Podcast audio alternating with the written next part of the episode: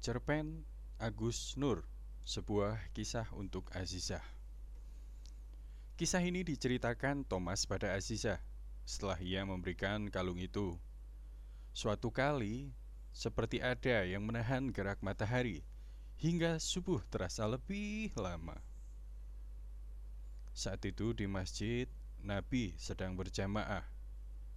Para sahabat merasa heran Kenapa Nabi melakukan ruku lebih lama hingga waktu terasa bergeser lebih lambat dari biasanya.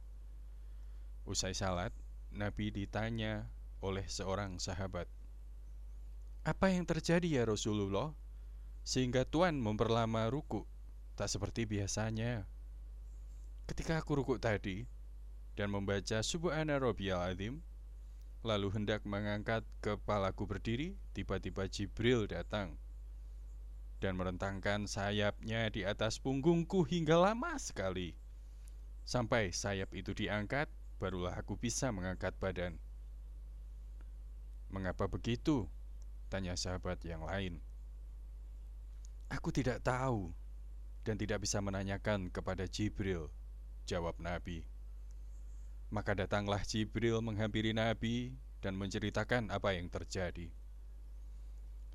Ali bin Abi Thalib tergesa-gesa menuju masjid agar tak tertinggalan berjamaah. Tapi di jalan yang tak lebar, ada seorang tua berjalan begitu pelan. Ali tak mengenal siapa orang tua itu.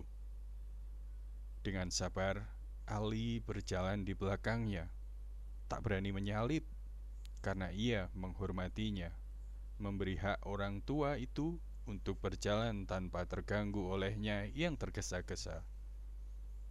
Saat itulah Allah memerintahkan malaikat Mikail mengekang laju matahari dengan sayapnya agar waktu subuh menjadi panjang.